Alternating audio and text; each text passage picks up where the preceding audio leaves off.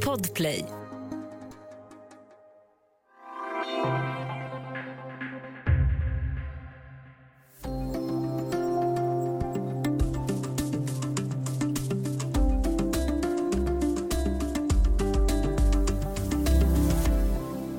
Efter politisk press och en del överväganden har USAs president Joe Biden sagt ja till att öka antalet flyktingar som är välkomna till USA.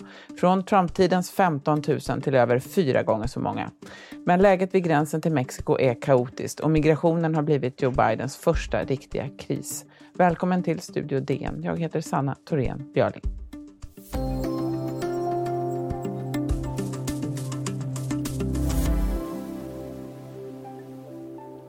Ja, det är ett dilemma för Biden. Han gjorde stor sak av att inte vara Donald Trump och av att vara humanist och samtidigt stå för rättssäkerhet.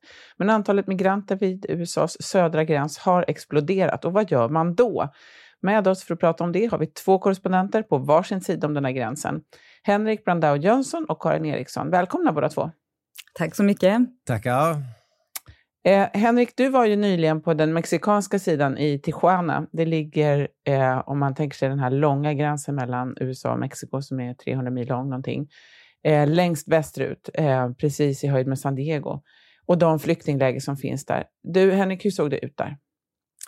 Ja, alltså där, vi kom ju till ett flyktingläger som har slagits upp precis vid gränsen, alltså bokstavligen vid gränsen. Och där bor ett tusental personer i tält som de har fått skänkta av amerikanska hjälporganisationer.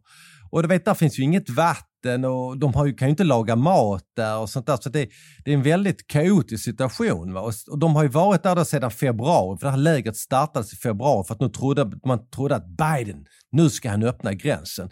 Men det hände inte, så nu hänger de där och väntar och väntar och väntar. Och faran är ju då liksom att de här kartellerna som styr människosmugglingen, de härjar ju där hela tiden. Eh, och det finns ju risk för kidnappningar och sånt. Mm. Vilka är det då som försöker ta sig över till amerikanska sidan? Ja, det är fram, framförallt personer från Honduras. Jag skulle vilja säga att 80 procent är från Honduras. Och varför Honduras? Jo, Honduras är ju en fail state, alltså det är en stat som inte längre fungerar. Det drivs av en presidenten, är en drogkung. Hans bror är, är gripen eller livstidsfängelse i New York. Eh, en president som inte är intresserad av att ta hand om landet utan är intresserad av att sälja kokain till USA och tjäna pengar och bli väldigt rik. Så att det finns ju ingen idé om att skapa ett bra samhälle i Honduras och då vill ju folk fly. Och så har det ju varit en tid. Vad som då har gjort att det nu blivit värre, det är att Honduras fick inte en orkan förra året, de fick två. En efter eh, en annan. Eh, och det har gjort att jordbruk slagits sönder, folk har blivit ännu fattigare, så att folk är desperata. Och de andra 20 procenten består av folk från El Salvador, Guatemala och från eh, Michoacán, Guerrero, delstater i Mexiko. Mm. Eh, jag kommer ihåg, jag var eh, vid en helt annan del på östra, längst österut nästan, i eh, eh McAllen Reynosa i Texas, eh, också vid gränsen till Mexiko. Där var det ungefär samma sak. Det var några år sedan då, det fanns inga läger då, men Eh, man hade ju flera olika sätt att ta sig över. Man kan ju dels då eh, ta sig över eh, legalt och försöka passera de här gränskontrollerna, det är ganska svårt. Eller så kan man försöka gå genom bushen och försöka smita över någon obevakad stans. Eller så kan man då klättra över det här staketet. Eh, eh, Karin, på andra sidan där så möts de ju, de som kommer med blandad förtjusning får man säga.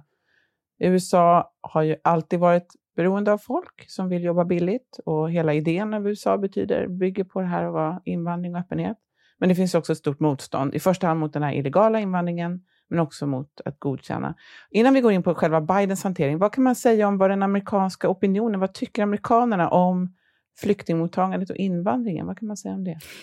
Man kan säga att det finns en, en, en grundsyn, som, en, en, positiv grundsyn på invandring, precis som du nämnde. Det här är ett land som bygger på migration i väldigt, väldigt hög grad. Eh, men sen är, sen är det ju då det här att människor ska kunna komma som asylsökande eller flyktingar och få en massa bidrag. Det, det är ju då med tanke på hur USA fungerar mindre populärt. Men, och vad vi vet nu är att det finns ju ingen nästan som uppskattar rapporter om kaos vid gränsen, som, som nu är på gränsen mot Mexiko. Det tycker ju både flyktingaktivister och invandringsmotståndare är fel.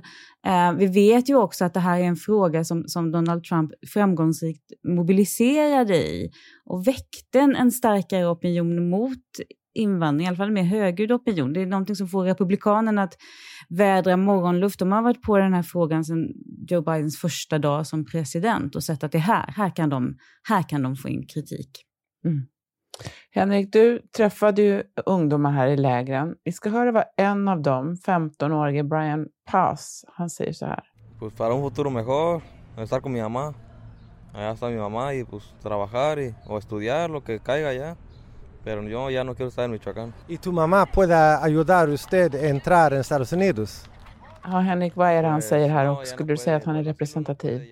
Ja, han är väldigt representativ. Han säger ju att, att han, han vill ju över till USA för att hans mamma bor i USA. Hans mamma lämnade honom när han var ett år gammal och hon gjorde det för att, inte för att hon inte gillade sin son, utan för att hon skulle kunna försörja sin son. Så hon åkte till USA för att jobba och kunna skicka pengar tillbaka till pappan och sina föräldrar som tog hand om om sonen där. Eh, men hon är ju där illegalt så att hon kan liksom inte åka tillbaka till Mexiko och hälsa på sin son utan de har liksom varit ifrån varandra i 14 år.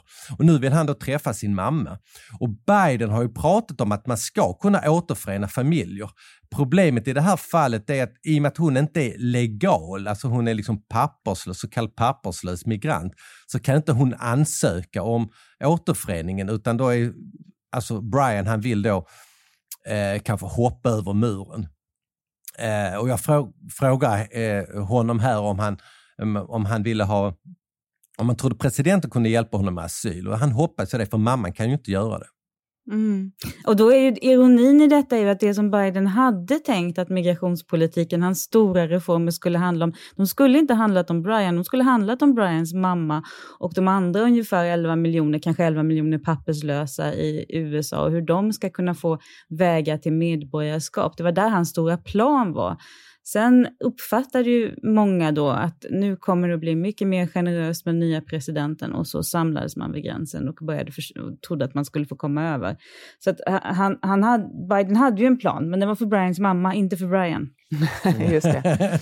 Och det är precis som du säger Karin, människor har ju strömmat då till gränsen under hela våren. Eh, och bara i mars så var det 19 000 barn som kom eh, till gränsen. Eh, tusentals av dem finns ju i förvaring där eh, och det är ju ingen plats för barn. Det, det här var ju något som skandaliserades under Trump-tiden. Då pratades det om rena burar. Fortfarande är ju läget då problematiskt. Men på den amerikanska sidan, vad gör man då, Karin? Nej men det är ju så att det finns det är ganska mycket förvirring runt siffrorna. Jag ska inte dra de senaste, men, men jag vet att när jag tittade på det tidigare i, i mars när det här exploderade, att tanken är att det, det, finns, det är flera olika myndigheter inblandade. Dels är det Gränsmyndigheten som har de här förvaren där, där man talar, ja, men, som man en gång beskrev som burar. Men det, det, är ganska eländiga villkor där. Barn som ligger på madrasser, sover under foliefiltar. Eh, väldigt trångt. Och där ska man vara max 72 timmar, alltså bara några dygn. Och, men, men det som har hänt då är att den här tiden har förlängts. Sen ska då istället den amerikanska hälsomyndigheten ta de här ensamkommande och, och flytta dem till andra förvar där, de, där, där omständigheterna och boendevillkoren är mycket, mycket bättre och där ska de kunna stanna ganska länge.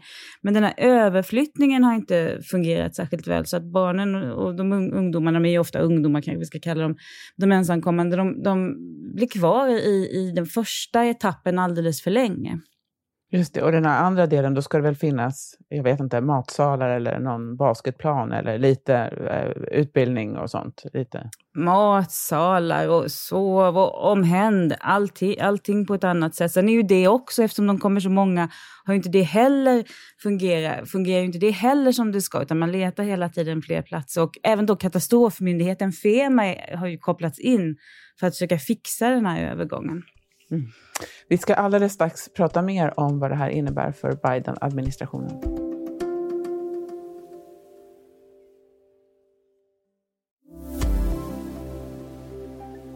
Ja, vi pratar med Henrik Brandau Jönsson och Karin Eriksson i Rio respektive Washington om läget vid den amerikanska gränsen till Mexiko och om migrationen som Bidens största kris. Eh, Karin, Vita huset har ju då velat i hur många man har sagt att man ska ta emot. Nu har man då höjt siffran till 62 500 som man kan då tänka sig är hälften av 125 000 som väl är kanske gränsen för nästa år. Varför velar man på det här sättet? Nej, men det gör man därför att man är klämd mellan dels de, de, den progressiva vänsterfalangen i Demokraterna, de partiaktiva, och dels kanske de konservativa arbetare som Biden hela tiden har velat nå, kanske lyckades nå till viss del i, i valet i november, och som inte alls är lika förtjusta i att det kommer väldigt många människor till USA. Sen ska man ju då komma ihåg att det här taket, det gäller alltså flyktingmottagande. Det är, det är alltså de människor som flyttas kanske från, från Mellanöstern, från krig till Eh, ett organiserat mottagande. Det är något annat än det som sen händer vid gränsen där det är människor som kommer över och söker asyl om de lyckas ta sig över. Så det, det, är olika delar, men det är samma, det är samma dilemma hela tiden. Hur, hur generös bör, bör USAs migrationspolitik vara? Mm.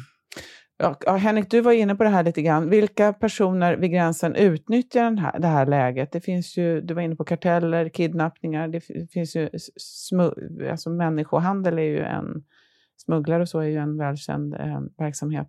Vad händer där? Ja, jo men det är ju så här va, att de som det finns ju en industri runt det här med migration, en riktig industri som genererar otroliga pengar, miljarder kronor. Och det är liksom kartellerna som är, styr det här.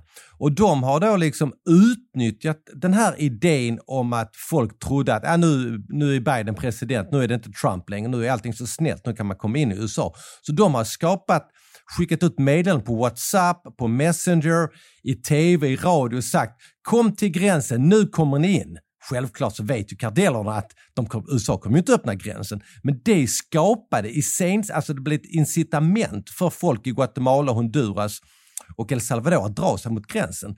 Och de här eh, smugglarna de tar ungefär, lägst är 5 000 dollar 50 000 kronor. Eh, men det kan gå upp till 8 000, 10 000, alltså 100 000 kronor. Och då är det liksom de här coyotes, smugglare, som vet var någonstans i muren man kan ta sig igenom. Och så har de folk på andra sidan som tar emot. Så att betalar du de här pengarna så finns det en chans att du kan lyckas. Det, men det är bara så att den här Border Patrol, alltså gräns, amerikanska gränspatrullerna, de är så fruktansvärt duktiga. De har värmekameror, rörelsekameror, allting. Så att av de här som då betalar hela sin förmögen, allt de har sålt sitt hus, de kanske inte kommer in och så blir de deporterade. Så är de då fattiga, då häng, bor de i, i gränsen där och hänger de med migrantlägren. Så det, mm. det är väldigt otäckt. Gränsen skärptes ju väldigt mycket under Obama-administrationen, det ska man inte glömma bort. Eh, inte minst de här värmekameror och så annat. Men Karin, invandringsfrågan den är ju jättesvår här. Du var inne på det i början. Hur öppen ska man vara? Hur, kom, hur kombinerar man liksom en mäns mänsklig grund med rättssäkerhet? Biden vill säga att USA välkomnar människor, men man vill inte skicka signaler om att vem som helst ska komma. Hur, eh, man vrider som en, som en mask här. Alltså, hur gör man? Vi med ett svenskt perspektiv och med flyktingkrisen i, i Europa och i, den som också nådde Sverige 2015. Man, man, ser ju så många, man ser ju så många dilemman komma tillbaka här i den amerikanska debatten. Att det är ju så oerhört svårt med att hitta en, en, en, balans. Att, eh, vi vet ju att, att migrationspolitik handlar väldigt mycket om signaler. Hur sänder man en lagom signal? Och då kan man ju säga att de här flyktingsmugglarna har ett enormt ansvar för det. De, det som nu, den, den misär som nu finns vid gränsen eh, till Mexiko. Men Biden har också ett ansvar genom att ha, ha lovat en mer mänsklig och rättvis migrationspolitik. Eh, och den som läser Henriks reportage säger ju att det, det, var ju inte, det kan man nog inte påstå att det är precis mänsklighet och rättvisa man upplever där. Oerhört svårt att gå den här balansgången och, och Biden är som sagt också väldigt klämd, både för att han är klämd internt i sitt parti, eller av väljarna i demokratiska väljare, men också för att, för att eh, det här är en fråga där republikanerna är ganska enade till skillnad från många andra frågor. Och då ser de alla att de har en möjlighet att eh, eh gå till attack. Det, det, är också någonting som kan påminna en del om, om eh, hur det var i, eh, hur, hur det, den politiska situationen var i, i, i, Sverige för sex år sedan när, när vi hade ett parti som väldigt starkt ville mobilisera i frågan. Det gjorde det nästan besvärligare. Eh, så det gör ju att det blir allt det här velande, precis som det här flyktingtaket är ett jättebra exempel på det. Först så sa Biden att taket skulle ligga kvar, för man är inte redo, man klarar inte av det här just nu. Så fick han massiv kritik och då så ändrade han sig. Och det tyder ju på att det här inte är särskilt väl för, genomtänkt i, i, av Vita huset, av Biden-administrationen. Det här var inte, migration var inte en av deras stora prioriteter för de, de här första hundra, viktiga hundra dagarna som, som Biden-administrationen precis, precis har klarat av. Eh, utan de överraskades lite av detta som man då väldigt länge ville kalla för en utmaning. Det, det var jättesvårt att få dem att ens använda ordet kris. Mm. Man kan ju tänka sig att, det, att de borde ha förutsett sagt det. Det var ju inte svårt att räkna ut att det skulle bli på det här sättet. Men som du säger också, det märks ju i opinionsmätningarna. Eh, alltså, och väljarna är ju inte dumma i huvudet. De ser ju att det här är veligt. Medan Biden får goda betyg för hur han hanterar pandemin till exempel, så syns det ju väldigt tydligt att de tycker att det här känns eh, konstigt. Hur allvarligt är det där?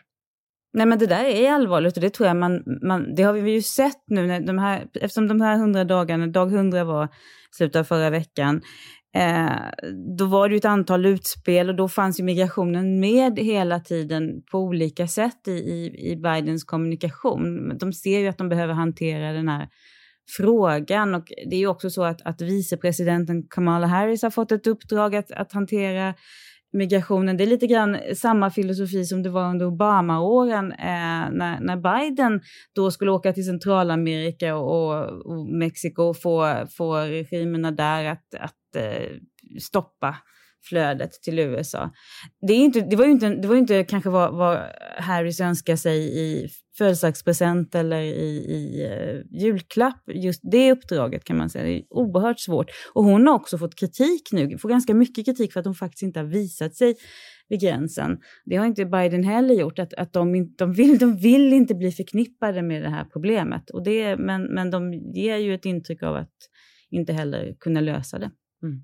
Henrik, vi har ju tidigare i podden här pratat om Mexiko, Mexikos politik eh, i, i förhållande till, till USA och presidenten eh, Andrés Manuel López Obrador och hans och Bidens relation. Hur, hur går det där?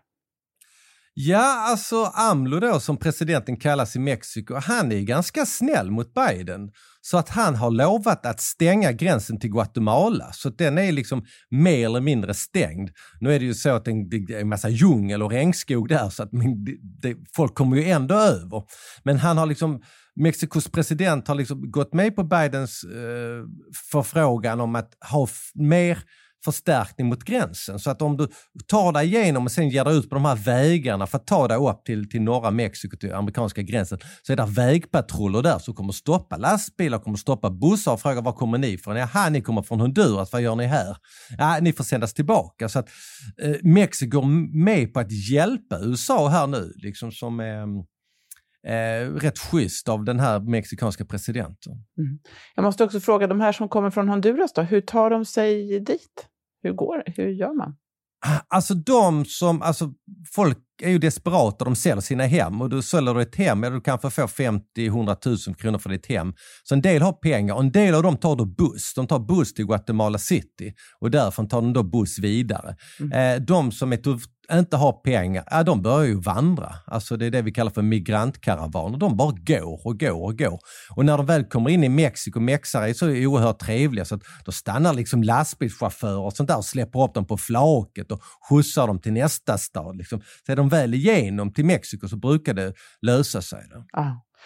Eh, vi ska avrunda då tänkte jag och då kan vi skicka ut en, en fråga till er båda. Vad, vad, tror ni händer nu? Det är en sån där öppen fråga, så det kan ni svara lite grann vad ni vill. Men vad, vad, vad kommer ni titta efter? Vad, vad, tror ni man väntar sig? Det är snart sommar, det kommer bli jättevarmt där nere. Eh, eh, Karin, om du börjar.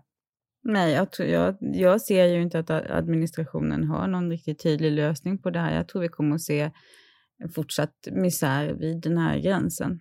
Och jag tror att vi kommer, det här är inte en lättlöst fråga. Jag, tror, jag har ju sagt det till olika folk att nu, nu har jag skrivit den här texten, det här är en stora prövning flera gånger. Jag tror inte, jag får tänka, kommer få tänka mycket på många vinklar runt den. Mm. Ja, alltså jag tror, alltså, det jag hörde i Tijuana när jag snackade med folk som bor på härbärgen, folk som verkligen kan det här, människorättsadvokater. De tror att Biden håller på att skapa ett digitalt ansökningssystem eh, för att få asyl i USA. För att stoppa migrationen. Så att om du är liksom eh, ja, jagad av karteller eller andra i Mexiko eller Honduras så kan du liksom gå in där du är och ansöka om, ansöka om asyl för de vill inte ha upp fler folk till gränsen. Och det är liksom ett rykte att Biden ska göra detta. Andra säger då, nej, det är bara ett rykte, han bara försöker vinna tid. Ärligt talat så tror jag inte det finns en riktig plan för denna. Det är en het potatis och ingen vill ta i den. Och framförallt då Kamala Harris som fick det här ansvaret, hon är bara helt borta liksom. Eh, hon har inte visat sig vid gränsen, inte brytt sig. Så jag tror det här kommer växa, det kommer bli ett riktigt stort problem eh, och kartellerna i Mexiko kommer tjäna väldigt, väldigt mycket pengar på detta. Mm. Stort tack båda två för att ni var med idag, Karin Eriksson och Henrik Brandau Jönsson. Tack Sanna, kul att vara med. Absolut. Och imorgon handlar Studio DN om den kinesiska telekomjätten Huaweis finanschef som sitter i ett slags husarrest i Kanada. Studio DN görs för Podplay av producent Sabina Marmelakai, exekutiv producent Augustin Erba, ljudtekniker Patrik Miesenberger och teknik Jonas Lindskog, Bauer Media. Jag heter Sanna Thorén Björling.